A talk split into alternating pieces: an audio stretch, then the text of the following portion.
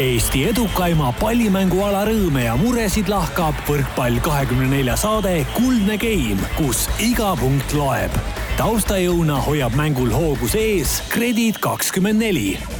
Tere, tere, kallid spordisõbrad, aeg lendab ja Assa Juudas, käes on jälle uue nädala esimesed päevad võrkpalliteemalise taskuhäälingu saate Kuldne Game saatejuhtidel on nõnda tihedad ajad olnud, et eelmisel nädalal no püha püssarasa märgi saadet ei tulnudki. inimesed istusid ja ootasid kodus, kõrv raadio kõrval ripakil kogu nädala, aga no mitte ei tulnud seda võrkpallijuttu sealt kõlaritest. ilmameister ja suunamudija Rivo Vesik sa oled saabunud nüüd suurest naaberriigist viimaks koju ja ajad seda asja siin mandril. ole hää, räägi, mis siis viga oli, et eelmisel nädalal see saade tulemata jäi tere ka minu poolt, ma soovitan sul mitte sinna Saaremaale minna enam, Karl, enne kui sa sinna läksid, olid sa hoopis normaalse mees. rääkisid ka nagu normaalselt, nüüd mingit jama siin ajama. aga jah, eelmine nädal läks kõigil nii kiireks, et Karl oli äh, trennidega ametis äh, Saaremaal ja mina olin Venemaal ametis Euroopa meistrivõistlustega ja, ja noh, tegijal juhtub ikka ja seekord jäi see saade siis ära. Äh, ütle, kuidas sul need viimased nädalad Moskvas on läinud, turniiri osas ja oma meeste osas vist võinuks minna paremini? Jah, tänan küsimast, kehvasti on läinud.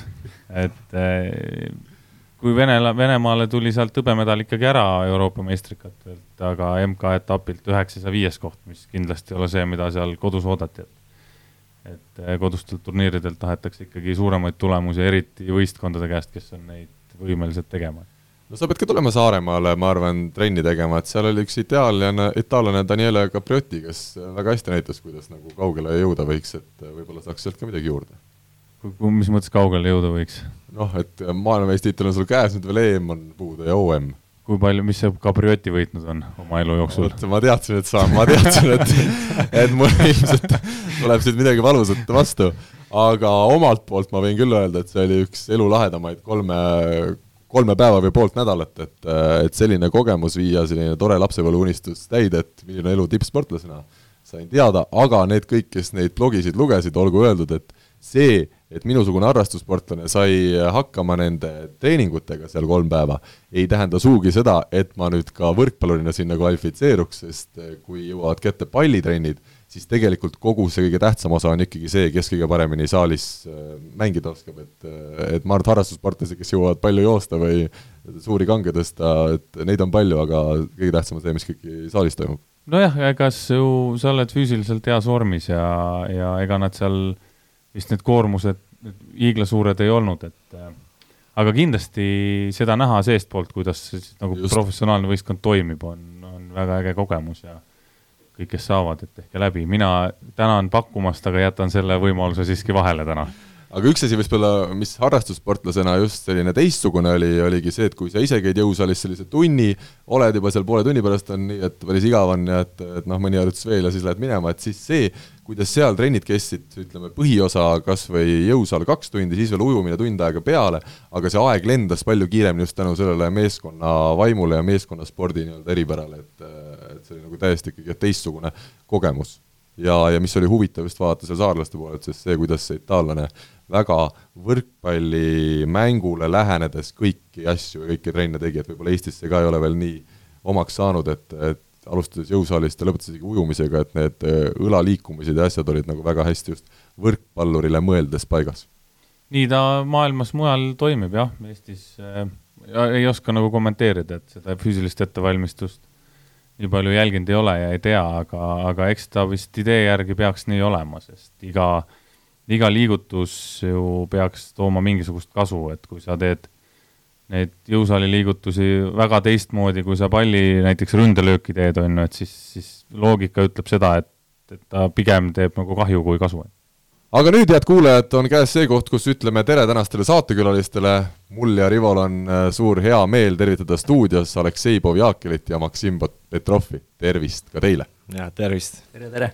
No kolm, kümneaastase pausi järel Eesti rannavalle meistriks äh, tulnud mehed on meil täna stuudios ja olgu siis ka kohe öeldud, et meie oleme Rivoga tõelised võrdõiguslased ja tervitaksime siin stuudios hea meelega ka meie parimat naistuuat Liisa Soometsa ja Helene Hollast, aga nemad ütlesid viisakalt, et eelistavad selles saates olla osalised kuulajate, mitte rääkijatena, nii et edastame neile siin ja praegu raadio vahendusel õnnesoovid ka meistritiitli puhul. Ja palju õnne minu poolt ka, küll te tulete ükskord siia saatesse ka, ega teil pääsu pole. Aga Aleksei ja Maksim, kuivõrd eriline see poolteist nädalat tagasi Paidest tulnud võit siis teie jaoks ikkagi emotsionaalsel tasandil äh, oli, oli see ilmselt midagi, mida te olite juba mitu aastat äh, oodanud ja, ja igatsenud uh,? Jah, muidugi, sellepärast et see on nagu näiteks mingi äriprojekti, kui sa lõpetad mingi sellist projekti, siis see on nagu suur palk sinu jaoks ja näiteks spordis sa teed trenni igapäevaselt, praegu me ei tee igapäevaselt, aga nagu õnnestub. Aga siis muidugi see on, meie jaoks oli äh, suur saavutus ja minu jaoks see oli nagu hea nagu äh, koht, et panna nii-öelda, panna seda nii-öelda lõpp-punkt oma nii-öelda amatöörkarjäärile. no tuleme kohe siis selle lõpetamise juurde, Maksim, kas see mõte lõpetamisest oli sul juba varem äh, olnud peas, et ükskõik, kuidas need Eesti meistrivõistlused lõpevad, sinu jaoks saab see rannavalle karjäär läbi või see tuli kuidagi spontaanselt selle turniiri käigus? ei, muidugi ma olen nagu mõelnud selle äh,, sellepärast, sellepärast et äh, no ma võin öelda, et ma olen selline nagu spordifanatik, et mulle väga meeldib sport, mulle meeldib võrkpall, rannavoole, see on nagu südames ja äh, muidugi see on äh, raske otsus, aga kui sa langetad mingit otsust, siis sa paned nagu kaalule kõik need plussid ja kõik need miinused ja siis neid miinuseid juba nii palju, et, et ainult seda rannavoole armastus ja see hea sõprus, no ei saa seda hoida ja pigem lõpetada võitjana või siis kui sa sõidad äh, kiirabiga Rannavoole platsist. millal sina, Aleksei, äh, hakkasid aru saama, et, äh, et Maksimil on selline kuri plaan karjäärile punkt panna? täpselt peale finaali kui Maksi, kui me lõpetasime mängima selle finaali, võitsime, läksime meie fännide juurde, saime õnnetlused ja siis äh, Maksim kutsus mind äh, suure veelumpi äh, all seal sadas palju, jah? sealsamas ja siis äh, ütles, kuule, mul on selline idee, mille peale ma vastasin talle, et sul oli vaja varem natukene öelda, siis ma ei toonud mõned pallid päässe ka, et selle finaali võita. aga noh, see oli tema, tema idee ja tema tahtis niimoodi lõpetada, jah et äh, tegelikult äh, äh, väike selline nagu Ljoša võiks nagu natukene saada aru sellest, et äh, enne võistlust mina nagu ütlesin äh, talle, et meil oli kuidagi selline emotsionaalselt nagu halb nädal, et äh, treeningutel ei olnud eriti nagu mängu ja siis äh, enne turniiri me nagu rääkisime ja ma ütlesin, et okei okay, äh,, davai, võtame seda nagu rahulikult, et lihtsalt naudime seda mängu, et ainult positiivsed emotsioonid ja siis ma ei tea, võib-olla see on minu viimane, meie viimane nagu e-, etapp meistrivõistlused nagu koos, et siis võtame lihtsalt nagu ja naudi-, naudime seda mängu ja lihtsalt äh, kui me võtsime, siis ma juba teadsin, et ma ütlen seda ja ma mõtlesin, et äh, muidugi on äh, no see, ma pean ütlema Aljošale esialgu enne seda, kui ma ütlen kõik, kõigile. ja, ja siis ja miks ma pole öelnud seda varem, sest äh, no ikkagi kogemus on olemas ja ma tean, et äh, rannavooles otsustavad, kui on selline nagu tasavägised äh, mängud ja isegi sellised pisiasjad nagu otsustavad ja äh, miks panna see psühholoogiline koormus lisaks, et äh, pole vaja olid hästi valmistunud, ütleme nii vaimselt kui füüsiliselt tundub selleks äh, viimaseks etapiks. jah et ma arvan, et me lihtsalt võtsime natukene rahulikumalt selle et äh, eel, kui võtta näiteks eelmised aastad, äh, millal me valmistasime täpselt selle Eesti meistrikatele, siis emotsionaalselt oli väga raske. väga peas palju mõtteid, kuidas mitte kaotada, kuidas maha lüüa, kuidas oma side out'i hoida ja praegu nagu Maksim ütles, et meil oli natukene kehvake nädal enne valmistust siis äh, mina ei olnud rahul Maksimi plokiga, tema ei olnud rahul minu rünnakuga ja kaitsemänguga, siis äh, olid sellised äh, nüansid. Ja enne, enne laupäeval, enne esimest mängu me istusime ja rääkisime, ütlesime, et üksteisele, et davai, võtame rahulikumalt ja teeme seda, mis, mis me peame tegema ja mängime selle mängu, mis meile meeldib ja meie armastame no tuleme natukene siis ajas tagasi, Rivo, viisteist aastat tagasi Maksim ja Aleksei hakkasid koos mängima. sina olid ka siis veel tegevvõrkpallur enne Imet, mäletad sa neid kui noori rannavõrkpallureid? viisteist aastat tagasi jah, ma seda koos mängima hakkasid nagu otseselt ei mäleta. aga, aga muidugi mäletan jah, et miks me oleme omavahel mänginud ja ja trenni teinud ja kõiki asju teinud, et, et loomulikult mäletan seda. oled kaotanud ka ühele nendest kunagi või? ilmselt küll, ma ei mäleta muidugi, aga ilmselt küll, sest me ikka mänginud omavahel päris palju, et no uurime teiselt poolt lauda, uurime teiselt poolt lauda, kas on? no ma ütleks niimoodi, et äh, võib-olla selle tren- äh,, treeningmängu äh,, aga seda ofitsiaalmängu vist äh, nad pole kaotanud. ma mäletan, et kunagi me ammu mängisime Pärnus omavahel ja ei mäleta, kellega sa mängisid, võib-olla ah, yeah. Est-, Estnaga minu arust ja siis äh, kõva mäng oli, kõva lahing, aga seal me ikka kaotasime üks-kaks. aga palju rahvast oli, meie poolt tulid palju inimesi, kes äh, toetasid meid ja väga hea, ilus ilm oli seda mul meeles jäi. jah, Ljoša tuletas meelde, et jah, et äh, nüüd ma mäletan, et oleme võitnud, aga Rivo pole mänginud oma parilisega, et siis äh, mängis üksinda? ei. Suur tänu, Karl. Aga jah, et ta mängis teise paris, aga me mängisime nii Riivo kui ka Kristjaniga ja siis kaotasime ja ka Riivo ja Kristo ja siis vist Rivo ja Karl Jaaniga me pole ah,, mängisime, eelmine aasta ja, ja, ja üks kord kaotasime Tartus. Rivo ikka võitis, jah? seal oli ka kõva andmine. jube ebaviisakas on minu arust Rivo meie nende saatekülalistega olnud juba varem ka, et ega ja. nad tulevad siia, kõik räägivad nendest kaotustest ainult. aga väga raske on leida Eestis meest, kes võiks öelda, et rääkida ainult võitudest.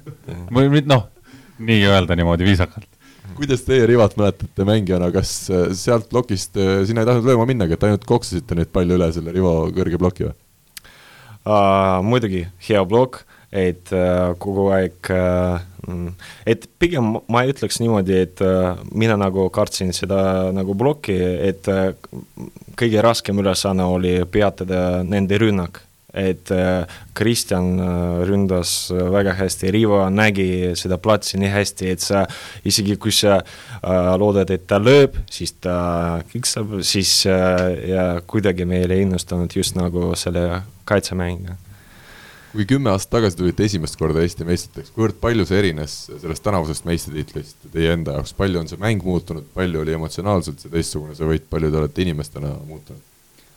Äh, minu jaoks see teine meistrikas oli palju olulisem kui esimene. sest äh, millal me võitsime esimese, siis ma isegi ei saanud aru, mis toimus.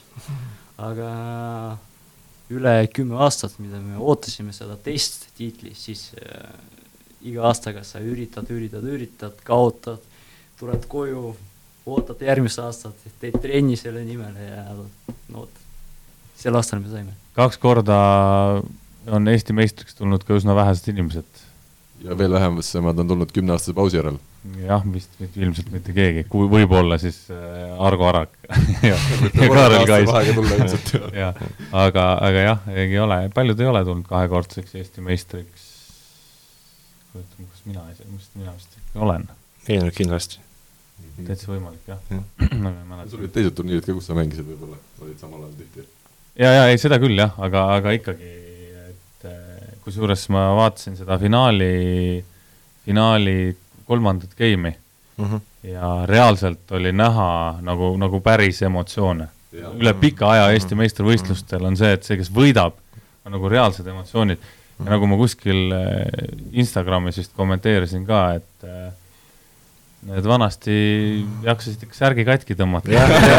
ja kas nüüd on, on jäänud ja. nagu jõudu vähemaks või särgid on paremad, et et sest oli minu arust peale seda esimest meistritiitli võitu, sa tõmbasid särgi puruks, on ju. ja, ja nii, nii lihtsalt, aga aga see on, ongi ük, üks põhjusest, et miks lahkun, et äh, jõudu enam ei ole, et näete, et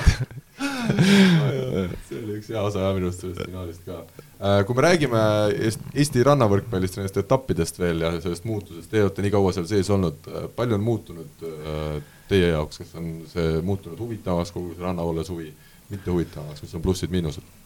Jah, et uh, nagu ma uh, olen varem kuulnud, et uh, mõned saad, mis nagu puudutasid rannavoolet, et uh, Riivo juba rääkis, et uh, minu arvates ka, et uh, see ranna, meie rannavoole karikasari ei ole enam nii atraktiivne, sest äh, varem äh, mängisid nii soomlased kui ka lätlased ja äh, praegu see auhinnafond on nii väike, et muid-, muidugi ainuke asi võib-olla, mis nagu reaalselt nagu paremini läks, et see, et naised saavad raha ka, et aga äh, auhinnafond on väike, lätlased ei sõida ja mm, sellepärast see tase äh, on madalam ja äh, ja kui mõned asjad, mis nagu mind nagu äh, võib-olla isegi häirivad äh, selle karikasarja kohta, et äh, ei ole, et kõik need võistlused, kus me oleme mänginud äh, seal Euroopas ja seal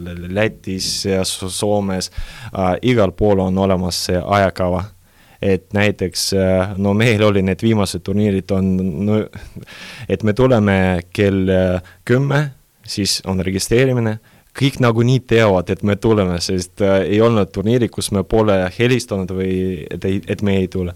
ja siis nagu me tuleme ja siis alustame mängima äh,, viimane turniir kell kolm no, see, see on jah, see ja. on, ma olen ka pikalt seda rääkinud, see on ja, probleem, et seda ajakava ja, ei ole nii raske ja, teha ja. ja ma arvan, et tänapäeval on üsna lihtne teha ka sellega, et see osavõtumaks makstakse ja. ära mitte koha peal vaid ülekandega. ja ülekandega reedeks näiteks, jah. jah, et reede kell kaksteist peab olema ülekanne tehtud, kes ülekannet ära ei tee, need ei osale turniiril, ongi kõik. ajakava on reede õhtuks sul emailis olemas, sa tead täpselt, millal sa pead kohal olema, millal sul on mängud ja ongi kõik. sest ma olen jumala nõus, et kui hakata kuskilt, on väga suur vahe, et sõita Tallinnast Tartusse, on ju, kella kümneks või kella kolmeks. Sa saad rahulikult hommikul kodus süüa hommikusööki, sõita rahulikult Tartusse täpselt sellel kellaajal, mis sul on vaja, mitte sedasi, et sa virutad ennast kell pool seitse üles, hakkad sõitma mm, -hmm. jõuad kümnest sinna, maksad oma osavõtumaksu ära ja siis nokid nina neli tundi. kusjuures mina osalesin ka siin suvel ju rannavoolu etappidel, muidugi kümme korda madalamal tasemel kui siin minu kõrval olevad mehed, aga Pirita rannavoolu etapil oli ka nii, et äh, sul pidi reede vist kella kaheteistkümneks päeval olema osavõtutasu makstud, kui ei olnud, ei olnud, siis võeti järgmine paar peale ja jäid ilma kohata ja, ja, ja, aga nii ongi mõistlik, noh, selles suhtes äh, ja seda, seda ei ole üldse raske teha ja korraldada kuidas publikuga lood on, kümme aastat tagasi, kui te meistriks tulite, Argo Arak ja Kaarel Kais olid vastas, kuidas toona see mäng välja nägi? sama pingeline nagu praegu nendega, et äh, Argo muidugi ja Kaarel nii head, et nii kogenud hundid, et väga raske nendega. juba siis nad olid kogenud, eks ole? muidugi, muidugi. kuidas, kuidas öelda, et äh, alati nendega, nende vastu on huvitav mängida alati valmistame nii vaimselt kui füüsilist, et et mäng, teame, et mehed mängivad täitsa lõpuni, et mm. nad ei anna niisama alla ja Argol on nii hea plokk, et äh, kõik mängijad, ma arvan, seda teavad ja Karl ka, et äh, nii hea kaitsja oma rünnakuga teeb päris palju pahandust mm. iga võistkonnale. aga see võit oli eriline siis ilmselt juba toona, jah? See on hästi meeles. jaa, muidugi nagu atmosfäär oli mm, mõnes mõttes nagu palju parem, sellepärast et äh, kahjuks äh, sel aastal oli ainult äh, üks äh, võistlus nagu Pärnus ja me ei osalenud ja varem oli niimoodi, et äh, selle äh, klubi, Rivo Mis-klubi see äh, kus Sunseti, Sunseti no, juures ja, ja, ja, ja see, see nimi peaks Maksim meie saates ikkagi tulema väga lihtsalt. jah, jah, mulle saadeti isegi kirju sinna vanasti, telefoniarved tulid Sunseti kõik. jah, et siis Sunseti juures oli no kindlasti üks või kaks tuhat inimest, äh, sest oli väga hea ilm ja no oli väga meeldiv mängida, et praegu jaa, see võit minu jaoks äh, äh, oli ka palju emotsionaalsem äh,, mis juhtus nagu eelmisel nädalal, aga äh, me mängisime, et oli võib-olla viiskümmend inimest ja vihm sajas kogu aeg ja no noh, aga kui sadas vihma, paduvihma, nagu kõik nägid, on ju, ja seal oli ikkagi viiskümmend inimest, see näitab seda, et huvi on, sest tavaliselt, kui on, kui üldse huvi ei ole inimestel, siis ei tule sinna paduvihmaga. huvi on ikkagi ka kordades väiksem, see, see on lihtsalt see, ütleme, muutus, mis aga rannavõrkpalliga, rannavõrkpalliga sa ei saa mitte kunagi äh, nagu ilma ei saa tellida. praegu Moskvas täpselt samamoodi, Euroopa meistrivõistluste finaal, ilm ilus, kaks tuhat inimest, ilm kole, kakssada inimest. siin ei olegi nagu. Lund seal ju ei see aasta sadanud, paar aastat tagasi. ma vaatasin, sa olid seal kindad, müts, jope seljas. külm oli lihtsalt. palju see külm sinu jaoks on? no mingi viisteist kraadi oli seal oh., ma arvan, et ikkagi jahe ja vihma sadas ka, et. pluss viisteist ikkagi, ma saan aru. ja ikka kindad ja müts. ikka kindad ja müts. see on tüüpiline eestlane, Pärnus üles kasvanud eestlane, kohe ja. näha kaugelt. aga ma ütlen, et see on, näitab tegelikult, et huvi on olemas ja, ja ikkagi nagu vaadatakse. ja täiesti kindel selles, et eh, kuna ta oli seal linna keskplatsis, on ju sinna tulevad inimesed igal juhul lihtsamalt, et kui te olete ise ka Pärnus mänginud äh, ükskord isegi vist me pidime mängima teie yeah, vastu me, finaali, kui yeah. me jätsime yeah. mängu ära, sest yeah. oli nii jõhker torm, et yeah. aiad ja asjad lendasid, pointless võrkpall, ühtegi yeah. inimest ei olnud rannas. seal oli see, see, see on ainuke finaal äh, minu määrus, no mis nagu ei toimunud. mis äh, turniir see oli siis? see oli. see oli äh, Eesti, Eesti etapp. meistrivõistlused, jah ja vaat nüüd tulebki välja, et, äh, et äh, Maksim ja Aleksei on mulle kogu aeg kaotanud, aga üks viik on ka. Üks viik on ka, mis on nagu okei. Okay. aga see oli väga hea moment, millal me mängisime Maksimiga, ma ei mäleta, kelle vastu me mängisime poolfinaalis, aga kui ma mäletan väga hästi, kui ma valmistasin ennast äh, servi vastuvõtust, siis ma ootasin ja vaatasin, mis, kas ei lenda reklaamisilt minu vastu. see oli Akse, Argo ja Karla Karla vastu, jaa, jaa. Akse servis, ma mäletan, seal ta servis vastu tuult, täie jõuga, servis palli ja pall ei lennanud isegi lähedale sinna nende väljaku poole, siis lendas Sunseti seene peale tagasi, tuul oli nii kõva. pall lendas selja taha talle minema lihtsalt. ja siis oligi finaal, äh, me vist Kristoga pidime teie vastu yeah, mängima yeah ja otsustati, et jääb ära, sest reaalselt aiad lendasid, raudaiad lendasid ja võrkpallist oli asi nagu väga kaugel. nii et saite siis mõlemad astuda esimesele poodiumi kohale? jah, poodiumit seal ei olnud auhinna raha jagasime ära ja kogu moos. kas sinna Sunseti sai siis tasuta, sai esikolmik alati sisse või? sinna said kõik tasuta ah, sisse. kes oskab tantsida. aga, aga jaa, selles suhtes, äh, selles suhtes minule see tänane äh, rannavoole tuur meeldib, et ta on nagu natuke viidud lähemale ikkagi inimestele mm. -hmm. ja Tallinnas ma arvan ka, et võiks olla, võiks ka olla nii, et hea küll, need mängud on Pirital, aga üks väljak võiks olla näiteks Vabaduse väljak mm -hmm. kesklinnas, mis oleks ka päris väga kahju, et jah, pealinnas ei ole ühtegi nagu selliseid appi kesklinnas sest ikkagi, ikkagi noh, Pirital ka, ta on ilus rand, kõik, ilma ei ole, sul ei ole ühtegi inimest. varem ei ole en- äh,, parlamendi ees ja, ja, äh, need väljakud, aga ja. me pole mänginud äh, sel ajal veel. seal siis, oli kogu aeg turiste. tulevad väljakud äh,, Vabaduse väljakule, siis kas Maksim lubab, et siis ta tuleb üheks mänguks tagasi mm. jah. peab tegema, ma ütlen, peab ikkagi tegema sellise turniiri Vabaduse väljakule, üks väljak. tuleb Maksim mängib, Aavo, mina, Kristjan -hmm. kõik, kes seal olid, vanad need kalad. Lätist tulevad Stahls, Stahls Greenberg Krumins mitu sajandit, mitu sajandit tagasi me läksime nüüd, üheksateistkümnendasse sajandisse no,? ikka väga ammu jah. oli juba jah? osad ilmselt tulevad ju kargu ja ratastooliga juba, aga see selleks.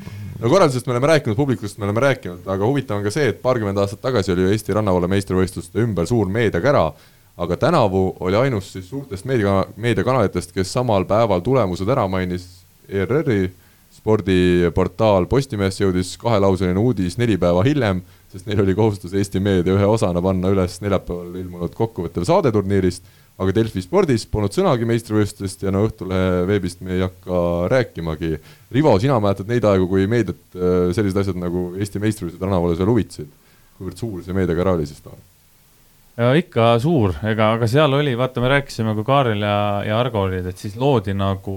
loodi see intriig? loodi intriig ja loodi sellised vastasseisud et kes keda nüüd ja siis oli reaalselt ka niisugune neli-viis võistkonda, kes võisid võita meistrivõistlused ja neid võistkondi ikkagi kõik teadsid. ja seda kogu läbi suve oli seda nagu üles töötatud, et nüüd, no nüüd tuleb see suur asi, on ju.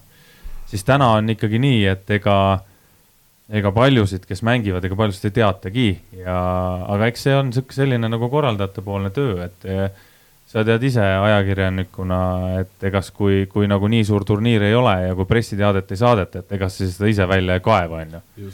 et seda tööd tuleks ka nagu teha rohkem ja tulekski luua seda, seda intriigi näiteks, et no näed, et noored siin eelmise turniiri võitsid, et kes nüüd suudab neid peatada ja mingid sellised asjad, et ilmselt siis neid, neid lugusid ja asju annaks toota küll et aga, aga selleks on vaja, vaja teha tööd ja, ja loomulikult enne, siis kui olid veel suur meediakära, siis enne meistrikate finaali tehti nii minu kui Steniga mingeid intervjuusid, et no kuidas siin ikkagi vanadele vastu saate ja nii edasi, nii edasi, nii edasi.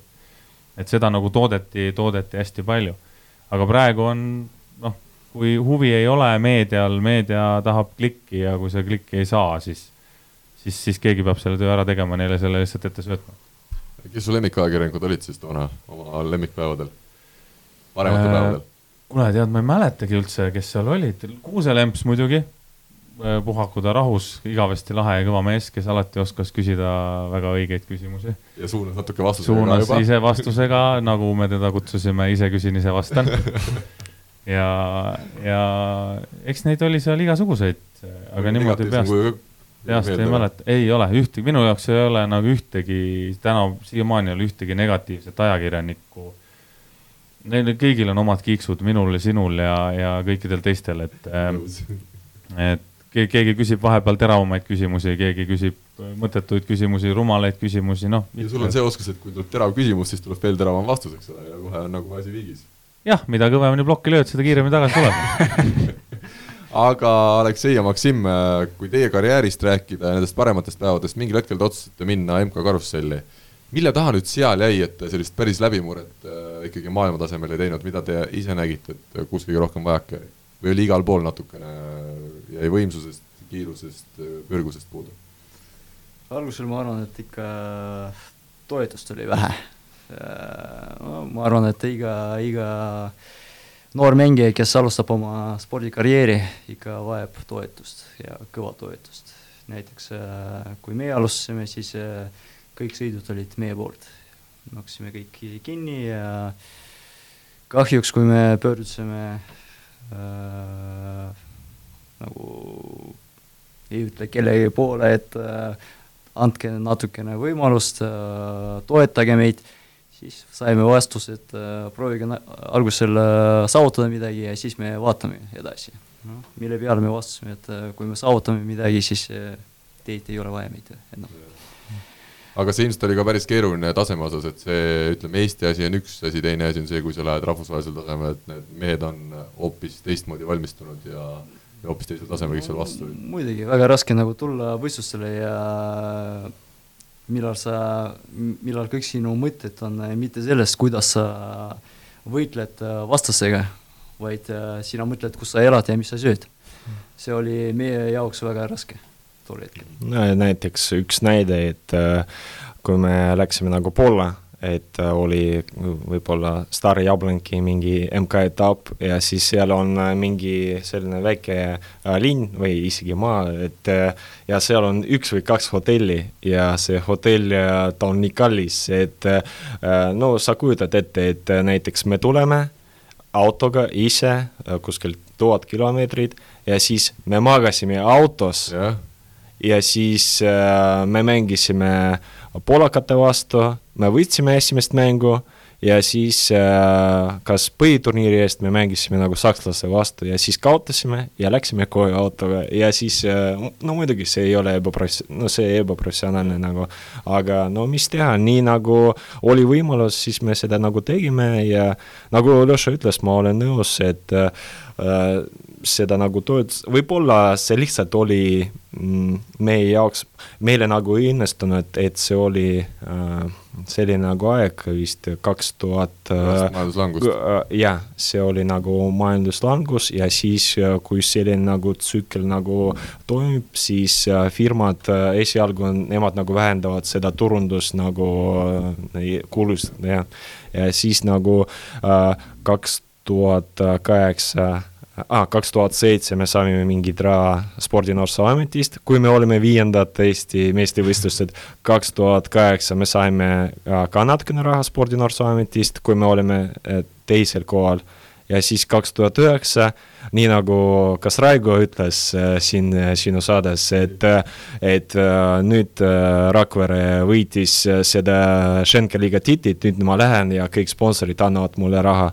ja just sel aastal, kui me saime seda oodat-, nii kaua oodatud ja. seda tiitlit, siis äh, ma saatsin, ma ei tea, võib-olla kakssada igasuguseid neid äh, sponsoritaotlusi igale poole ja kõik soovisid meile palju edu, edu, õnne ja nii nii edasi, aga me saime sel aastal null eurot, jah kuidas no. te siis tegutsesite üldse, tõite varasemalt siis suutnud midagi kõrvale panna või tegite tööd samal ajal edasi või? jaa, lihtsalt nagu töötasime ja sõitsime mingid sellised nagu äh, MK-etapid, mis ei ole väga kallid mm. -hmm. Hiinasse ei hakanud minema? Ei. et Kusti Nõlvakut ja Mart Iisart et, ette ei võtnud, et äh... me mängisime ainult Euroopas, ainult Euroopas. aga eks tol ajal vist sõita autoga Poolasse oli ka suhteliselt kallis, et tänapäeval sa võid leida, leida USA-sse seal saja viiekümne euroga edasi-tagasi piletid, et siis see Poolasse reis autoga oli ka päris kulukas ilmselt. seda küll. selge kuivõrd professionaalne see treening tol ajal oli selle töö kõrvalt, äh, kas te tegite ikkagi iga päev ja vahel lausa kaks, kaks korda päevas, et jõu- ja, ja pallitrenni eraldi? proovisime ja, et äh, me äh, tol ajal meil oli ainult üks puhkepäev. Äh,, praegu vist ma ei tea, üks treeningpäev, aga ma arvan, et väga professionaalne suhtumine meil oli, et tavaliselt, tavaline päev oli niimoodi, et töötad kella kuueni, siis sõidad äh, Piritale ja kahekesi küksid palli, kõik. Aga talvel, mis te talvel tegite? Siis ju sisehalle meil ei olnud. ei, aga me mängisime. oli küll. aa, Pirital või? jaa. Te tegite trenni ka seal? jah, ja me tegime ka mm -hmm. Riiuga seal ka mõned trennid. aga me mängisime saalis esiliigas uh -huh. ja Ljoša mängis ühes võistkonnas, mina mängisin teises võistkonnas ja, ja siis koos saalis äh, me ei ole mänginud kunagi. jah, ja siis äh, tegime, meile veedas, et Igor, Igor Pihala äh, tegi seal Eesti näitusel seda äh, rannavoole jaoks äh, seda saali ja me tegime seal ka et äh, kuidas, mõned aastad. kuidas saali võrkpallurile oli, kui te olite ikkagi talvel saalis, oli esiliiga tiimiga, kas siis panite enne trenni algust natuke liiva nendesse saali jalanõudesse, et oleks seda liivatunnet ikkagi kogu aeg sees? mul üldse oli niimoodi, et kui ma mängisin saalis, siis ma isegi siiamaani, kui ma mängin saalis, siis ma mängin saalis, kui ma mängin rannas, siis ma mängin rannas ei olnud äh, kordagi niimoodi, et millal mul oli saalihooaeg ja keegi kutsus mind äh, rannahalli mängida, siis ma ütlesin ei, ma ei sega neid asju, üks asi on äh, saalis, kui sa mängid, teine asi, kui sa rannas mm. mängid. üks asi, mis mind veel huvitab äh,, ei ole vene keelt emakeelena kõnelevaid võrkpallureid Eestis sugugi palju. kuidas teie lõpuks ikkagi võrkpalli juurde üldse jõudsite, kas see on kuidagi oma perekondadest tulnud või kuidas, kuidas see kõik alguse sai äh,? no mul isa mängib ise ka võrkpalli, siis äh, kui ma olin kaheksa-aastane, siis äh, neil oli omad võistlused, nad mängisid harrastajavõistkonnas samamoodi. ja siis äh, tuli, nad mängisid ühe treeneri vastu, no meie esim-, minu esimene treener, Urmas Kulp. siis äh, hakkasin seal tegema trenni. Äh,, eriti mingid suured saavutused mul ei olnud saalis siis äh, kohtusime Maksimiga Pirita rannas, esimene mulje mul oli nii selline, et kes see poiss on siis äh, äh, mängisime äh, paar sellised äh, proovimängud äh,. esimene meie võistlus oli samamoodi Pirital, see oli minu arust äh, Starmani, Starmani etapp kunagi vanasti olid äh,. väga head lahedad etapid olid kahju, et praegu juba keegi ei tegele sellega. aga ähm, esimene minu võistlus oli siis äh, Daisy Parilsega, samamoodi nagu Maksimil. Äh, tulemus oli samasugune nagu mul, üks võit, üks kaotus ah,, kaks kaotust ja koju. siis me saame kokku kuidagi, rääkisime omavahel, kas tahad proovida, tahame, davai teeme tiimi kokku ja paneme tiimi kokku ja siis äh, nii läks. viisteist aastat. jah, ja siis äh, ja siis äh, teine etapp äh, samamoodi Pirital me mängisime juba koos ja me ma arvan, et üks momentidest, kus meie karjäär nagu algas, me olime, seal vist oli ühest, ühest game'ist võistlus ja, ja me olime kaotusseisus üheksateist, üheksateist, kakskümmend, kakskümmend üheksa. ja me tulime ja võitsime selle mängu. me ei suhelnud omavahel, me üritasime põhimõtteliselt äh,, aga see oli see moment, millal äh, me saime aru, et me peame nagu koos mängida. millal äh, sina, Maksim, äh, võrkpalli juurde jõudsid ja kuidas sul see tee välja nägi? no mul ei olnud äh, äh, nii-öelda võrkpallikooli võib-olla sellepärast äh, ongi see, et äh, no ikkagi võib ausalt öelda, et me ei ole, me ei olnud äh, kunagi võib-olla sellised nagu väga tugevad rannavoole mängijad, et me oleme sellised, ma ütleks niimoodi sellised tasavägised, et me võime võita ükskõik mis tiimi ja, ja aga ka kaotada ka paljudele. Aga siis käisin koolis, peale kooli käisin jõusaalis ja siis äh, mängisid äh, rannatennist mitte rannatennist, aga seda la-, lauatennist ja lauatennist ja siis meie koolis nagu äh, olid äh, võrkpallitreeningud ja tuli nagu treener. äh, Aleksandr Tšuhninkov, ta töötab praegu rannavoolega seotud. Ja siis äh, tema ükskord nagu kutsus ja seal oli just äh, need mängijad, kes mängisid kogu aeg nii saalivõrkpalli kui ka rannavooled ja siis äh, tema kutsus äh, peale seda nagu Piritale ja tulin siia ja samamoodi, no mul oli hea mulje. Et vastupidi, vastupidi jah, et vaatasin, et äh, selline nagu väga hästi. jah, jah, et äh, vaatan, et Aleksei nagu äh, midagi seal proovib, aga paariline on mingi tšainik ja siis äh, on vaja kiiresti midagi nagu vahetada. no muidugi ma mängisin tol hetkel juba üks või kaks aastat need Starmani etapid ja olid juba need poodiumid kohad ja võib-olla ka see, no üldarvestuse võit, aga see ei ole oluline. ja siis nagu vaatasin, et muidugi Ljošal on nagu oli, oli näha, et tal on see võrkpallikool ja ta on äh, kiire ja lihtsalt nagu no ei ole nagu kogemust ja on vaja seda nagu briljanti lihvida ja, ja, ja, ja niimoodi nagu läks, nagu ta ütles. kuuskümmend viis kilo puhast jõudu. oligi nii vähe isegi vähem, ma arvan, tol ajal võib-olla on isegi vähem. jäid õhku rippuma, siis see tuul võis ära viia seal Pirita rannas ju. seda küll aga kuidas see vene keele asi on, kas teid, ütleme, Eesti rannavõrkpalli seltskonnas või võrkpalliseltskonnas alati nagu mõnusalt võetud äh, omaks või on ka olnud mingeid probleeme, kus vaadatakse, et oi, et mis, kuidas, mis need venelased siin teevad? no ma ei tea, äh, ausalt öeldes minule tundub, et ei ole olnud, vaadates kõrvalt just Eesti suhtutakse nagu kuidagi eriti hästi, et on ka sellised näited olemas. tegelikult äh, nii-öelda puhast mingit sellist äh, ma ei mäleta, et äh, jah, võib-olla keegi nagu rääkis, aga no me ei kuulnud ja äh, miks üks asi ka, et äh, miks äh, ma nagu praegu vaatan, et paljud need uued mehed ja need vanad mehed, kellega me oleme suhelnud ja neil on sellised nagu no sõprus, no need suhted, nagu Jani Raud, me mängisime nii palju omavahel ja juba nagu sõprus oli juba selline nagu, aga va-, no kõik nagu lõpetavad, lõpetavad, lõpetavad ja juba nagu tuled ja ainult võib-olla Karel, Argo ja no, veel, veel, veel, veel mõned mehed, kes nagu poole ajast, äh, aga ma ei, mul tuleb meelde ainult üks äh, äh, vastik näide Lätist, et me mängisime Läti karikasarja ja mingi kas veerandfinaal meil oli ja seal olid mingid sugulased äh, kes olid nagu Läti paari poolt. Ja siis nad hakkasid äh, karjuma igasuguseid need poliitilised, nad äh, äh, no väga äh, sellised hal-, ebaviisakaid asju. see motiveeris meid väga hästi, me jah. ütlesid aitäh ka pärast mängu. ja, ja see oli meie parim äh, turniir Lätis, et äh, kaotasime ainult finaalis seal ja siis noh, okei okay,, las karjuvad. et pigem on teid see, ütleme, rannavõrkpall ikkagi liitnud ka eestlastega igatpidi, et äh, on ja. hästi omaks võetud ja, ja olete nagu, tunnete, et olete alati omad, eks ole? alati, alati. Aga mis vahet seal on, kas sa oled eestlane, venelane, lätlane, hea küll, lätlane on üsna halb olla.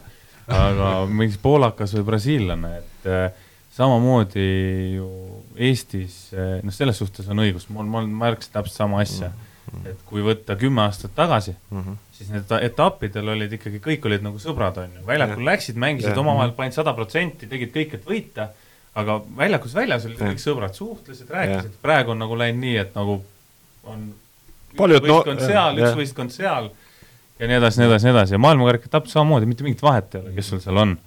et äh, kõik on omavahel sõbrad ja saavad hästi läbi. aga miks need venekeelsed võrkpallurid Eestisse ei tule, olete te seda ise mõelnud, kas neid äh, võrkpallitreeninguid äh, on kuidagi vähem või äh, et teie olete sellised erandid, ikkagi head erandid, aga et neid on suhteliselt vähe? kuidagi, vot me juba mõtlesime selle peale ka, et äh, kuidagi kas koolid ei ole tavaliselt äh, palju inimesed tulid äh, Narvast ka ja kooli kaudu Narvast, Narvas oli kunagi väga hea äh, treenikool, aga praegu kui me läheme, kui me lahkame, lahkume Rannaliivast, siis kes tuleb asemele? Valentin Kordas peab ainult need no pojad, kes nagu ja. kasvavad ja siis võib-olla tulevad, sest väga paljud nagu juba nagu treenivad ja teevad trenni, aga minu arvates oli ka selline nagu hetk uh, millest nagu sealhulgas, et äh, Narvas pidi olema kõrgliiga klubi. ja ma tean, et seal oli isegi juba projekt tehtud ja tean isegi seda inimest, kes nagu pidi selle millal see oli umbes? Oi, tagasi. jaa, kuskil niimoodi, et seal pidi olema see klubi ja ma arvan, et äh, see muidugi nagu toetas, äh, sest äh, ma olen nõus nagu Riivoga, et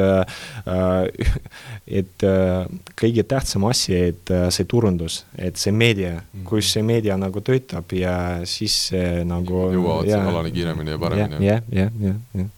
Aga siin võib olla see ka, et et ma ei tea, palju on, on vene keelt kõnelevaid treenereid, et selles suhtes sa ütlesid õigesti, et eh, kui minna kuskile vene koolidesse, on ju, vene keelt kõnelevatesse koolidesse, ja sealt nagu palju neid treenereid on, kes ja. seda reaalselt teevad.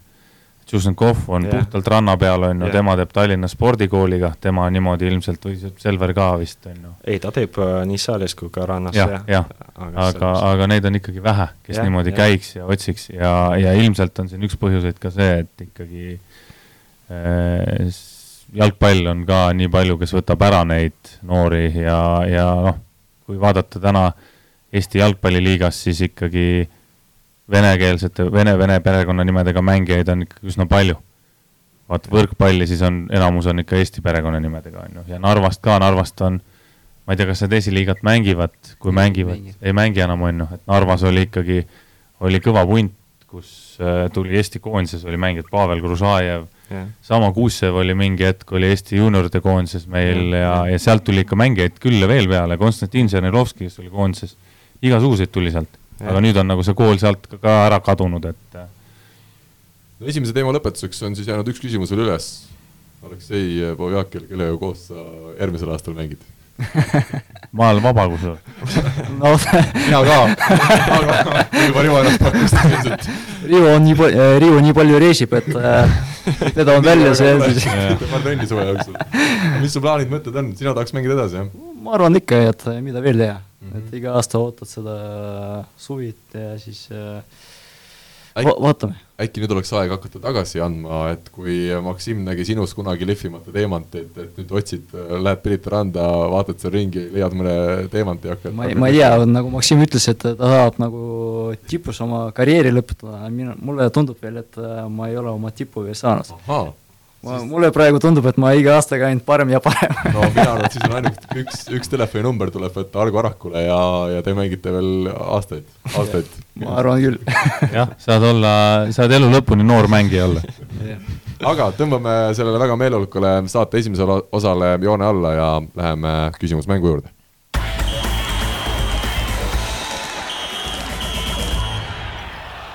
Eelmises saates uurisime siis äh, järgnevat nimetage kaks Eesti koondise tulevast nurgaründajat, kes mängisid kahe tuhande kolmeteistkümnendal aastal Saaremaa spordikoolis Asko Esna käe all Eesti A-klassi meistrivõistlusi. Rivo Vesik, kas sina tead vastust? Eesti A-klassi meistrivõistlusi. nurgaründajad, kes on hiljem mänginud koondises nurgapositsioonidel. kas praeguses koondises või, või praeguses, praeguses ei ole või..., nüüd praegu selles, kes valmistuvad EM-iks, ei ole neid kumbagi. ei ole äh,, Karli Allik, Kevin Saar. Ja ongi õige vastus. ja meil on kaheksateist, samal kui Rivo mis ma võitsin? no vot, saad terasest tunni mängida jälle iseenda jälle, aitäh kurat, see on hea au, aitäh teile meil oli kaheksateist õigesti vastajat äh,, Aleksei ja Maksim, proovige kahe peale leida üks number ja öelge see välja räägi. Aleksei ütleb. Lihtsalt numbri või? lihtsalt üks number, võid nime ka öelda, aga sa ei tea nimesid. Seitse. Number seitse, David Armulik, äh, kui ma nüüd õigesti mäletan, peaksin olema isegi hiljuti meistriliigas äh, mänginud mehega. Nii et nüüd siis läheb temale Mankispordi poolt välja pandud Joma, Joma seljakott, nii et trenni saab jälle minna üks mees mitte enam kilekotiga, vaid täitsa kohe õige seljakotiga. Ja kuna Tauno Lipp, Eesti rannavalle karikaetappide korraldaja, on pannud välja selles saates ka ühe rannavalle särgi, millega siin äh, mehed äh, erinevalt siis mängisid tänavusel aastal, siis Maksim, sa saad ka ikkagi ühe numbri öelda? üheksa. üheksa ja Kevin Põldsaar saab siis endale selle toreda maika, sellega oli hea mängida, eks ole, Maksim, see on selline, et sa pead ikkagi käärid võtma, kui sa tahad seda katki teha. ei no lihtsalt ma, ma, et vaadake, mina ikkagi lõpetasin magistrikraadi turunduses, mina tean, kuidas seda tähelepanu nagu pöörata, et äh, no mis siis sellest, et jälle see särk läks nagu ära, aga vaadake, et ma ei saanud hakkama ja siis nii palju nagu meediat. õige, õige, õige, õige, väga õige, alati ei pea olema tugev, tark võib ka olla vahepeal. Ja uue nädala küsimus on siis seotud äh, Aleksei ja Maksimiga loomulikult, küsime suhteliselt lihtsa küsimuse aga ammustest aegadest, millise tulemusega võitsid Aleksei ja Maksim oma elu esimese Eesti meistritiitli viimase otsustava geimi Kaarel Kaisi ja Argo Araku vastu, nii et seda viimase otsustava geimi lõpptulemust me ootame vastuseks, võrk, info et võrkpalli kakskümmend neli punkt ee on see meiliaadress ja võrkpalli kahekümne nelja punkt ee sõnumitesse on samuti võimalik kõiki õigeid vastuseid saata ja valesid vastuseid ootame ka, nii et Heiki Kiiskinil on jätkuvalt äh, võimalus ka ikkagi vastata. aga meie läheme edasi teemade juurde.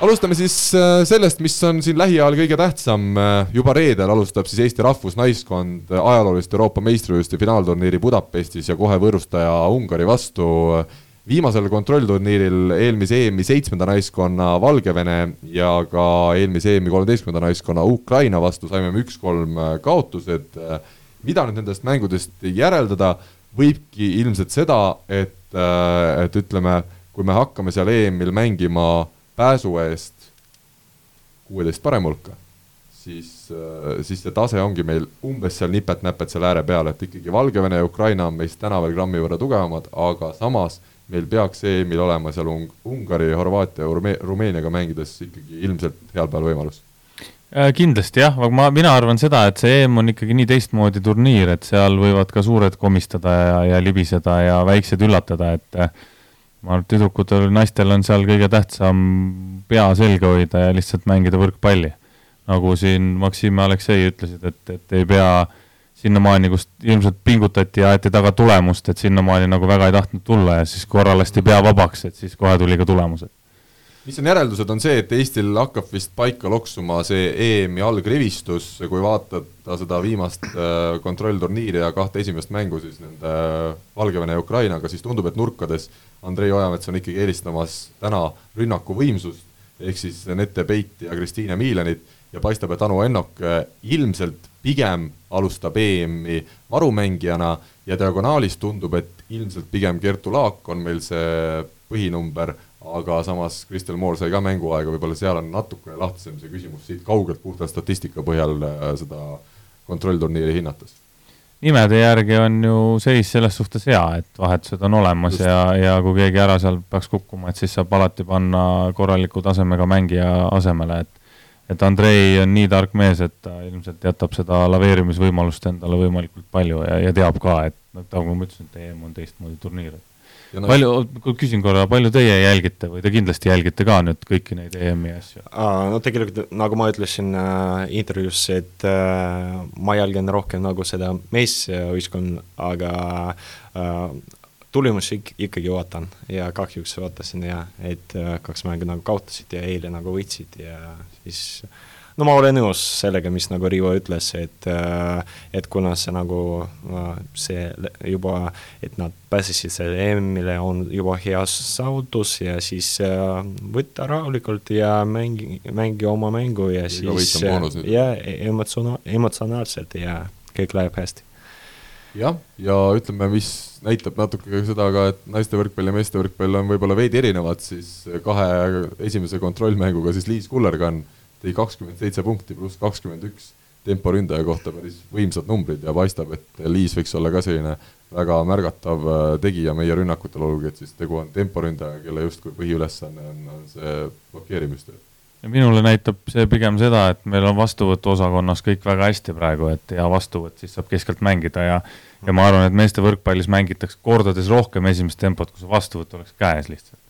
mehed löövad nii kõva servi, et enamus ajast sa sealt kolme meetri pealt sul ei ole mõtet esimesse temposse tõsta, kui sul on kaks kaksteist meest seal seistes vastas, et, et kõrgus kaob ära, et ma, mina arvan, et Kuldar Männil on vastu, kohe vaidleks vastu. Kuldar Männil on, servi ajal lasi ka vahepeal esimest tempot see pani igalt poolt Andrei Ojamets, keda ta kiitis väga selle suve osas, on Natalja-Anett Haidla, meie noor teine libero, kes siis olevat meeletu arenguhüppe edasi teinud, saab näha, kas ka EM-il kas ja kui palju talle mänguaega leitakse ja samuti siis meie nurgaründajaid äh, seni pigem varu, varumängijate rollis olnud Anna Pajulat ja Ingrid Kiiski Ojamets siin tõi välja positiivsete veel näidetena, aga tundub, et see kogu naiskond nüüd jah, vaikselt on valmis, et et ma arvan ka, et Valgevene ja Ukraina naiskonnale need kaotused, see on üks asi, aga teine asi on see, et me ikkagi mõlemad mängud, me püsisime sisuliselt game'ide lõppudeni mängus sees ja, ja suutsime nagu vastu saada, et see on see kõige tähtsam moment praegu, et, et me ei jäänud selgelt äh, sellistele Euroopa esikümne piirimail olevatele koondistele alla.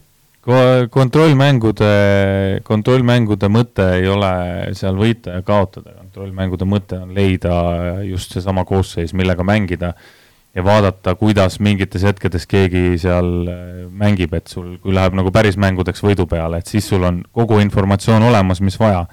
sest äh, kui hakatagi võtma neid kontrollmänge, et nüüd peab hirmsat moodi võitma, on ju, siis, siis kaoks ju nende nagu mõte ära selles suhtes, et äh, siis panekski ühe koosseisuga ja, ja hoiaks ühte koosseisu, katsuks nende mängu saada, aga ma arvan, et see, need kontrollmängud, kaotused ei näita suurt väga midagi, et et äh, nagu sa ütlesid, kõik on positiivne ja kõikide kohta on midagi head öelda ja see on, see on väga hea märk. ja EM algab siis meie jaoks kohe sel nädalal kolme väga tähtsa kohtumisega, eeldatavad need meie põhikonkurendid reedel Ungari, laupäeval Horvaatia ja pühapäeval Rumeenia, nii et suure tõenäosusega juba selle nädala viimase päeva õhtuks on meile sisuliselt teada, kas Eesti koondisel on variant edasi pääseda või mitte alagrupist, Holland ja Aserbaidžaan peaksid ikkagi olema grammi võrra tugevamad ja, ja eeldatavasti nemad peaksid küll sellest alagrupist kindlasti edasi minema.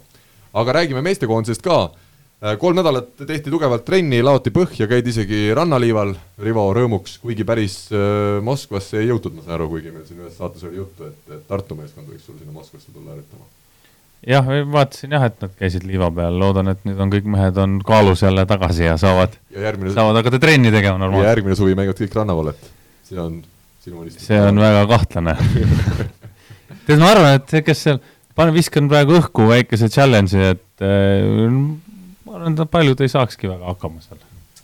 Väsivad ära kiiresti, vastupidi. palju saali mängijad ei oska, no nad mitte, mitte ei oska, nad ei saa rannas mängida, sest äh, rannamängija, see on äh, universaalmängija. peab oskama kõiki asjad, tõstma, vastu võtma, lüüa, servima, kõik.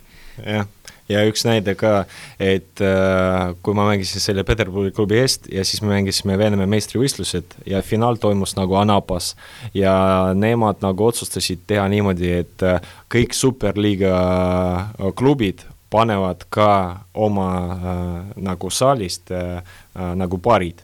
Ja oli siis äh, kuusteist paari, kes on nagu rannavõrkpallurid ja kuusteist paari, kes olid nagu saalivõrkpallurid. Ja siis äh, kaheksakümnendates finaalis oli, oli ainult üks paar kes on nagu salivõrkpallurid ja ja see oli ainult sellepärast, et seal Rivo, ma, ma arvan, et sa mäletad, mängis selle Aleksei Jutvalin. et Jah, tema jah. mängis äh, Surguti võistkonna eest mängis vist äkki ainuke üks paar, aga kõik teised, nad olid väga pikad, väga tugevad, ründasid, aga nad ei saanud mitte midagi teha. serv ei saanud kätte, tõste ei olnud ees ja ma nüüd ütlen Eesti koondise siin äh, poolt vastu kohe, et hea, et Maksim ja Aleksei karjääri koos ära lõpetasid, sest ma arvan, Kristo Kolla ja Robert Tähtaja kuulavad seda saadet ja hakkavad juba saalitosse jalast võtma ja järgmiseks suveks valmistuma. sellepärast nad ongi nii head, et nad äh, mängisid nii, oskavad kõike teha, jah. Kristo mängis rannas, Robert mängis rannas, loomulikult on nad aga kui me nendest Türgi mängudest räägime, olgu siis öeldud, et meie lindistame tänast saadet esmaspäeva keskpäeval, nii et seda kolmandat Türgiga mängu ei ole me veel näinud, aga jälle statistikale põhinedes äh, no ütleme, kui naistekoondise puhul me ütlesime, et need kontrollmängud, seal ei ole tulemus kõige tähtsam, siis meeste puhul vist praegu on see veel vähem tähtis, sest tõesti, mehed tulid alles tugeva koormuse pealt ja siin nendes esimestes mängudes see võit oli kõige vähem tähtis asi, sai siin eile õhtul räägitud Rene Teppaniga pärast seda teist mängu, ta ütles ka, et mehed alles otsivad iseend ja vaatavad, kuidas see väljakul olema üldse välja näeb pärast seda, kui sa oled äh, teinud siin rannaliival palju trenni ja jõusaalis, et alles, see mänguline pool hakkab tulema, loomulikult eks türklastelgi on veel neli nädalat minna EM-ini ja nemadki ei ole veel parimas hoos, aga, aga kui me vaatame midagi head siit nendest kahest esimesest mängust, siis loomulikult see, et Rene Teppan tegi esimese mängu kaasa kaks geimi, tõi kümme punkti pluss viis ja Robert Täht siis ka kuu aega pärast äh, põlvevigastust juba tagasi väljakul, olgugi et mitte põhirollis ehk siis nurgaründes, aga, aga liberona, kui ta ikkagi mänguolukorras pannakse väljakule, siis järelikult see põlv kannatab juba koormust küll. ilmselt jah, ja eks nad teavad ise paremini ja, ja sa jällegi, ma ei, mina päris ausalt, ma üldse isegi ei jälginud neid mänge, vaatasin tulemused ära, sest sest see, need mängud on puhtalt treenerile mängud. et jah, võrkpallihuvilised kindlasti oleks ju tore, kui oleks ülekanne olnud ja no Toomas Vara ikkagi midagi üritas teha seal. ei no väga tubli ja väga hea ettevõtmine, et ta üritas teha, aga aga nende mängude puhul võib tulla nagu natuke vastupidine efekt, kui hakata neid liiga tõsiselt võtma, ma just tundnud nagu publiku poole pealt on, oi näed, nüüd said pätt kotti, et mis nüüd, kus me nüüd EM-ile lähme ja seal kaotame ja eestlane on niisugune dramaatiline inimene, et kohe on kõik halvasti, kusjuures ma olen kõigega nõus, aga mis ma ide, ise seda uudist äh, vaadates tabasin ennast mõttelt, et Eesti koondis viimasel aastal on harjunud väga palju võitma ka neid sõprusmänge. et kui me võtame see eelmise suve Rakveres äh, veel varasemad aastad, et tänavune aasta on meil ikkagi olnud keeruline nii ametlikes mängudes, kui me meenutame seda kuldliigat, ja, ja ka nendes sõpruskohtumistes, et ütleme, me siiamaani oleme sellises mõõnas, aga samas see mõõn nüüd ütleme, ütleme tegelikkus saabub ikkagi lähinädalatel ja ilmselt siis, kui me Valgevenega siin Saku Suurhallis mängime juba septembris, et kui me sellel hetkel ka veel Valgevenele kahel korral kaotame, et siis on ilmselt, võib-olla, võib öelda, et kõik ei ole hästi, aga praegu on veel nende mängudeni siin äh, paar nädalat minna ja, ja me usume ja loodame, et, et selleks hetkeks võiks Eesti koondis ikkagi olla juba oma nii-öelda endisel heal tasemel tagasi. no ootame ära selle Valgevene mängu, et mis saab, sest jah, ma olen nõus sinuga selle koha pealt küll, et see aasta pole olnud Eesti koondisel kõige parem, aga, aga ma arvan ka, et paanikaks täna ei ole veel põhjust, et, et vaatame ära, mis seal Valgevenega saab ja ja veel kord, EM on teistmoodi turniir, et seal on, seal on pinged, mõtted, psühholoogia hakkab mängima rohkem, et, et Ja seal ikka. mängivad ainult tugevad. ja ikka Rene Teppan ikkagi olukord äh, natukene muret valmistab, see selg on nüüd hetkel vähemalt kontrolli all, aga see õlg paistab, et ega seda nüüd siin kuu ajaga enam terveks päris ei saa, et siin on nüüd pigem küsimus, et kui targalt suudab Eesti koondis koos Teppaniga seda õl-, õlavalu siis kontrolli all hoida, sest EM-il me teame, on ju ootamas mehi ees sisuliselt järjestikku kuus mängu või mitu seal alagrupis on, viis mängu vist, eks ole, et, et kuidas need mängud kõik vastu pidada, ilmselt on seal loodetavasti võimalik anda Teppanile ka natukene puhkus nende mängude ajal, aga, aga et ta üldse EM-ile jõuab heas seisus, et see on nüüd põhiküsimus. Eks seda näha ole, kuidas see läheb, see on muidugi kurvem uudis, seda ma ei ei teadnud ei lugenud, et, et selline seis on, aga aga Indrek Pulk ei ole halb mängija ja ega siis kui ikkagi väga tulekahju on, siis ega siis Oliver Venno ka veel päris maha kantud ei ole, ma arvan. Oliver olevat juba, ma ei tea, kas eile vist jõudnud Istanbuli Eesti koondise siis äh, praegusesse peatumispaika.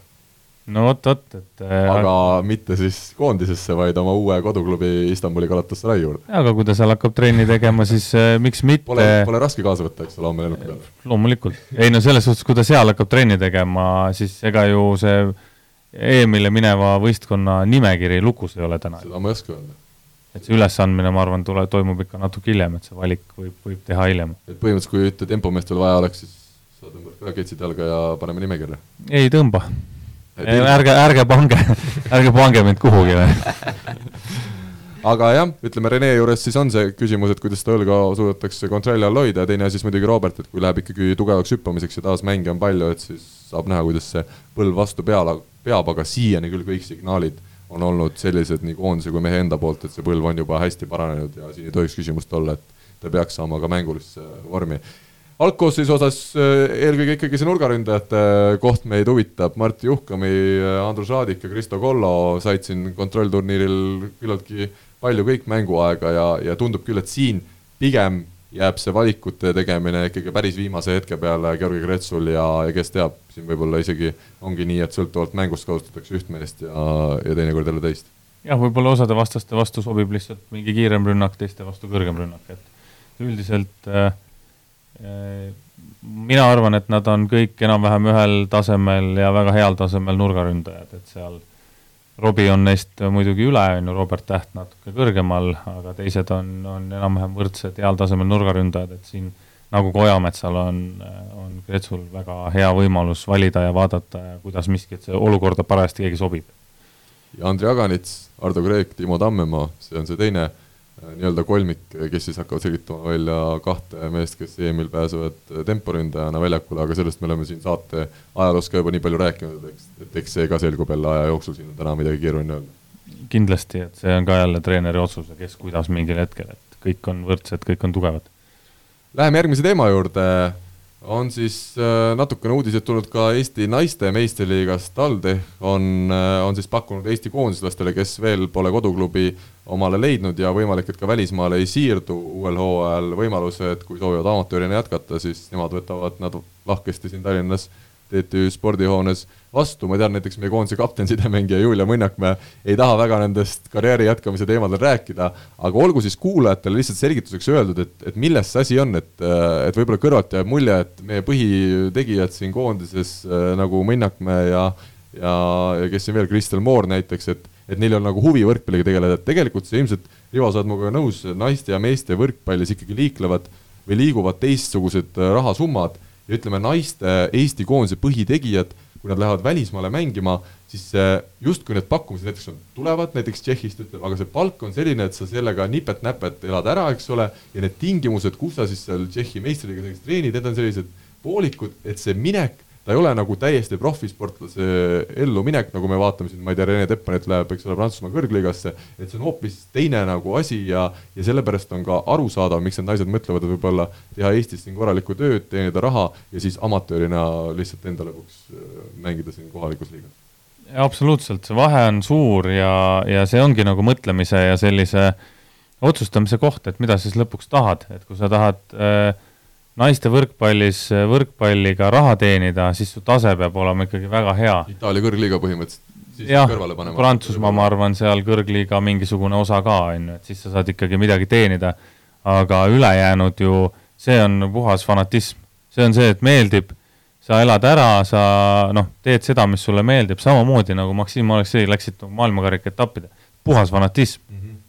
ja, ja, ja selle pealt ennem tahtsin öelda vahele, selle pealt ongi, et kui sul seda järjepidevust ei ole, siis sa lihtsalt ei tee tulemust, see on, see on, see on ebareaalne, see on võimatu. ja kui ongi, siis see fanatism saab ka ikkagi ükskord otsa, kui sa pead autos magama ja on kuradi külm ja süüa, vabandust, süüa ei ole ja, ja siis lihtsalt ei tee seda.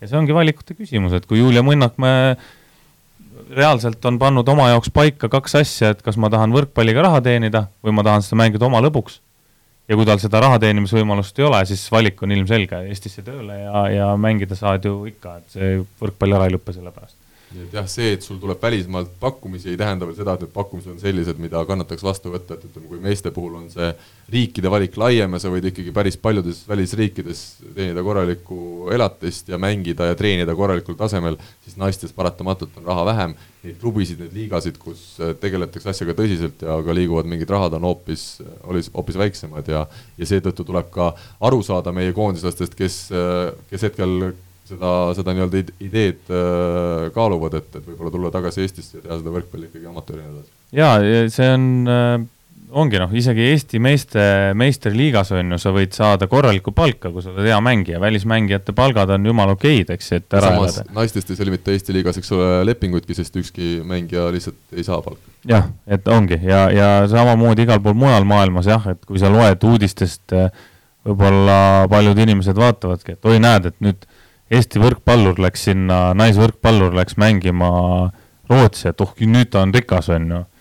kaugel sellest et eh, võrkpallis kahjuks ei ole jah, mingisuguseid nagu NBA-s on miljoni dollarine signing boonus, et antakse kohe sulle tšekk kätte ja nüüd anna, anna tuld, on ju. et need on rasked otsused ja, ja noh, nagu Maksim ütles ka, et egas ju sinu lõpetamise otsus ei olnud ka kerge, et ikkagi kõik asjad tuli panna kaalule ja vaadata, et mis ja kuidas. Ja, ja nagu see Maksim väga hästi ütles, et see sport on ikkagi nii südames ja, ja nendel naistel samamoodi ranna või see võrkpall on nii südames et see otsus ei ole kunagi kerge, et see võib tunduda nii, et ah, hea küll, et ma teen Eestis tööd ja ja, ja mängin niisama oma lõbuks võrkpalli, aga kuskile võib midagi ikkagi kripeldama jääda ja ilmselt ka jääb. ja loodetavasti siis EM-finaalturniir annab meile esmalt hea, hea ja toreda emotsiooni ja tulemusi, aga, aga teisalt ka siis naistele natukene sellist jõudu, motivatsiooni veel juurde, et, et ikkagi välismaal profitasemel seda mängimist jätkata ja, ja võib-olla õnnestub siis hea, hea esituste korral EM-il ka selline tore või toredad kosilased endale veel leida siin äh, septembrikuu alguses. kindlasti ja see on üks, üks nagu väga suuri positiivseid asju ja väga suuri plussi selle EM-i juures on ju, et kui me sealt naistekoondiselt täna ikkagi mingisugust supertulemust ei oota, siis see on kindlasti, kindlasti kõige parem koht, kus ennast näidata veel enne, siin enne sügist ja enne hooaega, aega algust, et seda jälgitakse palju, seda agendid, inimesed vaatavad ja kui sa teedki seal korraliku, korraliku esituse, siis äh, miks mitte ka Julia Mõnakmäe saab edasi teenida profileiba ja tahab seda teha ja, ja lähebki kuskile välismaale heasse klubisse lühidalt siis nii palju ka, et Tartu Ülikool Bigbank, meie valitsev meister, äh, nemad on tervitamas mitut äh, emapuhkuselt tagasi tulnud naist oma võistkonnas, aga jätkamas sisuliselt sama koosseisuga siin Jade Sodeiko, vaid on põhitegijatest lahkunud ja Jade siis liitus Oregoni ülikooliga, USA üks tugevamaid saali võrkpalliülikoole ja saab siis kohe septembrist alates näha sellist äh, eestlast siis teisel pool ookeani mängimas tipptasemel, seal see hooaeg algab väga varakult ja juba detsembris saab see saalivõrkpalli osa läbi, pärast mida siis Jade läheb randa mängima ja nii et jätkab ikkagi kahel lainel ja jätkuvalt otsib ennast, et kus rohkem meeldib, kas saalis või rannas. Rivo, kummale poole sina kalduksid? ranna poole loomulikult, USA-s on täna see naiste rannavolle on äh, nii suur, et ma just vaatasin statistikat, et kas äkki kuue aastaga, kui see esimesed nagu rannavoole turniiride programmid tehti seal USA-s, siis esimene aasta oli kakskümmend kuus ülikooli osas, osales ja tänaseks on sada üheksakümmend seitse, kui ma ei eksi, ülikooli, kes osaleb seal. ja ta on kasvanud nii suure hooga, et maailmakarika etapidel ameeriklased ütlevad, et eh, viie-kuue aasta pärast on Ameerikast neli nii tugevat naisvõistkonda, et neil põhimõtteliselt on väga raske leida vastaseid. sest nad juba, juba USA-s eh, juba pannaksegi lapsi lihtsalt ainult rannavõrkpallitrenni ja puhtalt sellepärast, et nad saaksid ülikooli stipendiumile, kuna seal õppimine on kallis, saavad ülikooli stipendiumile ja, ja sealt siis juba lähevad nagu haridus ja kõik saavad edasi. et see tase, naiste tase tõuseb metsikult, et eh, kui, kui inimesed ei tea, siis see süsteem on seal selline, et et ülikooli spordis peab olema võrdne rahastus nii meestel kui ka naistel. et kui poiste pool või meeste pool saab nelisada miljonit dollarit, siis peavad naised saama sama palju ja kuna Ameerika jalgpall on seal nii suur ja korvpall, eriti meeste poole peal, siis äh, sinna läheb nii palju raha, aga naistel ei ole Ameerika jalgpalli ja seal ei olegi nagu, meestel on kergejõustik, naistel kergejõustik, korvpall, korvpall, saalivõrkpall, saalivõrkpall, Ameerika jalgpall, vastet ei ole, sinna pandi rannavõrkpall ja sinna on väga-väga suured rahad lähevad sinna no näed, kui sul on ikkagi maailmameister üks saatejuht, siis ma ütlen jätkuvalt. ja väga tark inimene kusjuures, sõbrad kutsuvad mind, sõbrad kutsuvad Google'iks mind. seda ei ole mina, ma ütleks neti.ee mitte veel päris kõrgel tasemel. Aga üks asi, millest kindlasti siin veel tahaks enne saate lõppu rääkida, on äh, Euroopa meistrivõistlused siis Ranna Volles ja, ja Rivo, kui me räägime sinu paarist, äh, Oleg Stojanovski, Vjatšeslav Krasilnikovist, äh, et nendel see EM ei õnnestunud, aga ka see Moskva MK-etapp, mis siin siis eelmisel nädalal äh, toimus, ei kulgenud kõige paremini, tuli jälle seal play-off'i esimestes ringides kaotus, aga kellele tuli see kaotus? Samoilov Smedins, äh, meie kuulsad lätlased, kes hiljem ka võitsid selle etapi, kas siis natukene tuli rõõmu ikkagi pärast ka, kui seda finaali tulemust nägid, et äh, kaotasid vähemalt õigetele meestele? Ei, ei mõtle selle peale niimoodi kusjuures, aga mul on kusjuures lätlaste üle väga hea meel, nad on head sõbrad ja, ja see aasta on neil olnud ikka väga raske, et nad on langenud päris kvalifikatsiooni välja. ja nüüd see võit oli neile ikkagi väga-väga suur selline sõõm värsket õhku, et aga Oleg ja, ja Slava jah, peale MM-i on läinud ikka tulemused väga alla ja see on siis see vaimne pool pigem või? Äh, jah, vaimne pool ja, ja natukene sellist tehnilist osa ka, et siin äh, nüüd, nüüd lõpuks on avastanud võistkonnad, et võib ka Olegi peale mängida, et need kõik need kolm kaotust, mis me saime, äh, kaks tükki siis üheksandaks, kui me jäime, kõik mängud on mängitud Olegi peale, saja prots-, põhimõtteliselt sajaprotsendiliselt. ja, ja poisil natukene pea ei pidanud vastu ja, ja teeb tehnilised vead, et seda ei hakka siin arutama praegu, aga aga jah, tulemused on läinud alla ja pärast seda Moskva etappi nüüd oli ka nendega pikem jutuajamine ja ja kui nad veel Viinis ütlesid meile, et ei, ei, et juhuslikult ja mis, et ei tulnud välja, on ju, siis täna nad saavad ise ka aru, et nad on lasknud ikkagi rihma nagu natuke lõdvaks. aga samas minu jaoks täiesti uus olukord, et et ega meiega, no treeneritena ka ei suutnud nagu motiveerida neid ja ei osanudki motiveerida, sest me ei ole ka kunagi sellises olukorras olnud, on ju ja noh, enda jaoks tegime asjad selgeks, et peab natukene rohkem nõudma lihtsalt, ükskõik mis tulemused olid sul eelmine nädal või üle-eelmine nädal, maailmameistriteks jäävad nad elu lõpuni, aga tuur läheb edasi. ja mulle tundub, et äh, praegusel hetkel on need kaotused valusad siin Moskvas saadud erinevatel turniiridel, aga kui me vaatame järgmise aasta Tokyo olümpiat, siis võib-olla on isegi hea, et nad nüüd ei tulnud samal aastal ei maailmameistriks äh, ja, ja Euroopa meistriks korraga, et, et natukene nagu on jälle pingevabam järgmist hooaega mängida isegi mitte see, et pingevabam on mängida, aga meie saime nendest kaotustest nii palju informatsiooni ja nii palju head informatsiooni, mida me võib-olla ennem ei märganud, just seesama situatsioon, mida me ootasime tegelikult pikalt, et kui hakatakse servima Olegi peale. ja sealt tuli välja, noh, tal, temal on servitud, aga me kolm-neli korda mängus on, see ei näita midagi, et sa lööd kaks tükki maha, ühe eksid, on ju, ütleme neli korda mängus, sul rünnak, rünnakuprotsent seitsekümmend viis, rünnakuprotsendi järgi vaatad, et, et kõva vend on ju aga kui sa paned juba kümme korda, on ju, rünnat-, servitakse sinu peale, sa paned fifty-fifty, viiskümmend protsenti on juba kõvasti väiksem, on ju. et, äh, et, et me saime sealt väga palju head informatsiooni ja noh, meie treenerite peas on üsna selge, kuidas minna edasi ja mida teha edasi. nüüd on vaja jõuda selle infoga kõik ka poisteni, et. ja hundipassi ei ole veel tulnud, Vladimir Vladimirovitš? Veel ei ole jah, veel ei ole jah. Aga ma pole täna meili vaadanud. Ja rannavõrkpalli Euroopa meistrivõistlustel siis kuldmedalistid, norralased Anders Moll ja Kristjan Sorum meestest, aga naistest krooniti Euroopa meistriteks lätlannad Tiina Grau-, Graudina ja Anastasia Kravtšenoka, kas ma need nimed ütlesin õigesti? mina ka täpselt ei tea, aga läks enam-vähem sinna kanti, jah selge, mis nende lätlannade edusaladus on, ma tean, et üks neist vist elab ja treenib Ameerika Ühendriikides. USA ülikoolis, jah. Sama asi, nendega on huvitav lugu ka, et vaata ülikoolis USA-s ei tohi olla profisportlasi. ja, ja siis see, kes seal ülikoolis õpib ja mängib, ta mängib ka maailmakarika etappe, aga temaga oh, ei, ÜVB-le tagasi kõik.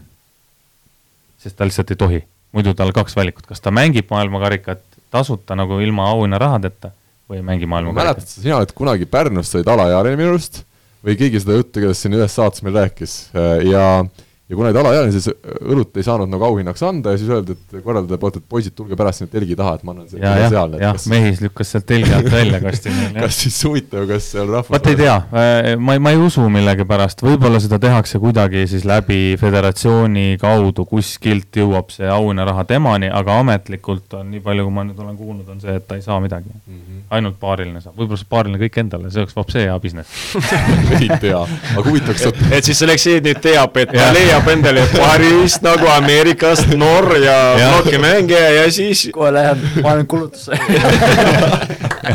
soovitavat üliõpilane Ameerikast. väga hästi millest veel siin mõni sõna võiks rääkida, Meelis ma Kivisil? korra, korra kiiresti räägin veel selle EM-i Jah. asja ka ära nende Läti tüdrukutega, et et seekord läks nagu EM nii, et see oli hooaja lõpus ja oli väga palju vigastusi. Meeste võist-, meestel vist kuus võistkonda, kes võttis maha ennast turniirilt, naistel oli seal päris palju, naistel ei tulnud kohale tšehhid, kes olid ühed favoriidid, ei tulnud kohale hollandlannad, kes olid ühed favoriidid, kes olid nagu vigastatud. ja, ja Vene paar, Venemaa paaril oli väga hea võimalus see turniir võita, nad olid heas vormis, nad olid väga heas vormis, oli näha, et nad olid kõige paremad. ja üks neist sai vigastada, põlve ristsidemed. Ja ma olen, jah, nägin, vaatasin seda mängu, tõste läks pikaks natukene ja hüppas nagu külje peale, lõi palli maha ja maandus siis nagu niimoodi külje peale, lennatas ühe jala peale ja jalg läks tagurpidi, põlvest kuskil auku mm -hmm. põlvest tagurpidi. ja sidemed puruks ja, ja noh, lätlannad mängisid selles suhtes hästi, mängisid oma mängu, mängisid välja, aga neil nagu tugevaid vastaseid väga ei olnud et nad said niisuguse üsna lihtsalt läbi, mis ei tee seda tiitlit mitte grammigi nagu nõrgemaks, on ju, aga nemad kasutasid oma võimaluse sajaprotsendiliselt ära. kas olümpial on neil medali varianti? ei ole, ei ole, ei ole, näitas maailmakarika etapp nüüd ka kohe otsa ära, et et seitsmeteistkümnes koht ja, ja ei- ei olnud isegi võimalust seal alagrupis teise mängu kellegi nõrga vastu võitsid, aga need, mis kaotasid, olid kakskümmend üks, kolmteist ja kakskümmend üks, viisteist äkki. Nii et meeste EM oli tasemelt ikkagi hoopis tugevam, võib öelda. ja meeste EM oli tasemelt tugevam, kõvasti tugevam, aga aga noh, kui nad ei tee nüüd mingisugust metsikut arenguhüpet, siis ma ei usu, et neil seal ikkagi Brasiilia ja, ja Brasiilia USA ülemvõim on nii suur naiste võrkpallis, et sinna on raske kellelgi saada. aga saate lõpetuseks siis Meelis Kivisilla personaalteema, töö ja pereelu nõuab Viljandis nii palju aega, et äh, tippvõrkpallist paistab, eks, et sellel hooajal aega ei jäägi, meie koduse liiga üks tituleeritumaid, üks paremaid, üks selliseid äh, ka värvikamaid kujusid, siis on tegemas äh, vaheaastat, võib-olla mõnes mängus osaleb, võib-olla natukene aitab Tartut, aga ühesõnaga väga tõsiselt enam ei, ei mängi uuel hooajal, loodetavasti Meelis tuleb vaheaastal tugevamalt tagasi, kui on jälle aega rohkem, aga nagu näeme, et siis mõni mees on elus nii, nii mitmekülgne, et, et ongi vaja aega jagada, et Rivo, sinul on nii, et hommikul kell kaheksa ärkad, lähed randa, õhtul kell kümme tuled tagasi, ega seal muud ei olegi. aga mõni mees teeb muud ka ikka. jah, tublid poisid, mis sa oskad öelda, see, selles suhtes osad lihtsalt on andekamad kui teised. aga noh, eks neid näiteid on palju, et sama kunagine ikkagi noh, absoluutne Eesti tippmängija Mihkel Roosmäe on ju lihtsalt üks hetk otsustas, et, et temaga keskendub oma karjäärile, Mait Pärg samamoodi. Et neid eh, näiteid on mitmeid ja ma arvan ka, et Meelise jaoks juba viimased aastad see Tartu-poolne sissetulek oli nagu niisugune mõnus boonuse lisa ja pluss täpselt seesama asi, et talle meeldib võrkpall ja ta teeb seda, ta tahab seda teha, talle, talle lihtsalt see mäng meeldib. aga mingi hetk äh, tuleb kõigil teha valikud ja kui ikkagi nagu tal sündis laps, on ju vist ja või tähendab, ta abikaasal sündis laps. Meelis ei ole senitamata. ja, ja siis tulebki teha valikuid ja kui üks hetk lähebki, aega jääb lihtsalt nii väheks, siis, siis see valik on ilmselge, et pere peaks olema ikkagi esimene ja igal pool, et just, ja lõpetuseks siis reede õhtu kell kakskümmend kolmkümmend Ungari-Eesti ajalooline matš Eesti spordi ajaloos, esimest korda meie naiskond siis äh, olümpiapallimängu alal äh, finaalturniiril on osalemas ja kohe esimesel päeval siis vastaseks Budapestis korraldaja maa, võrkpalli kakskümmend neli on tänu Võrkpalliliidu toele suurel spordipeol samuti kohal ja vahendab muljeid sündmuste keskpunktist, aga üks saade on meid sel nädalal veel ees ootamas, sest plaanime siin nädala keskel teha ära ka naiste Euroopa meistrivõistluste finaalturniiri erisaate, nii et püsige meiega, Maksim ja Aleksei, aitäh tulemast, Rivo, tore, et leidsid ka vahepeal Tallinnast aega läbi tulla ja kohtume kõigi kuulajatega siis juba õige pea. head aega! head aega! Eesti kõige põnevamad podcastid on Delfis, kuula tasku.delfi.ee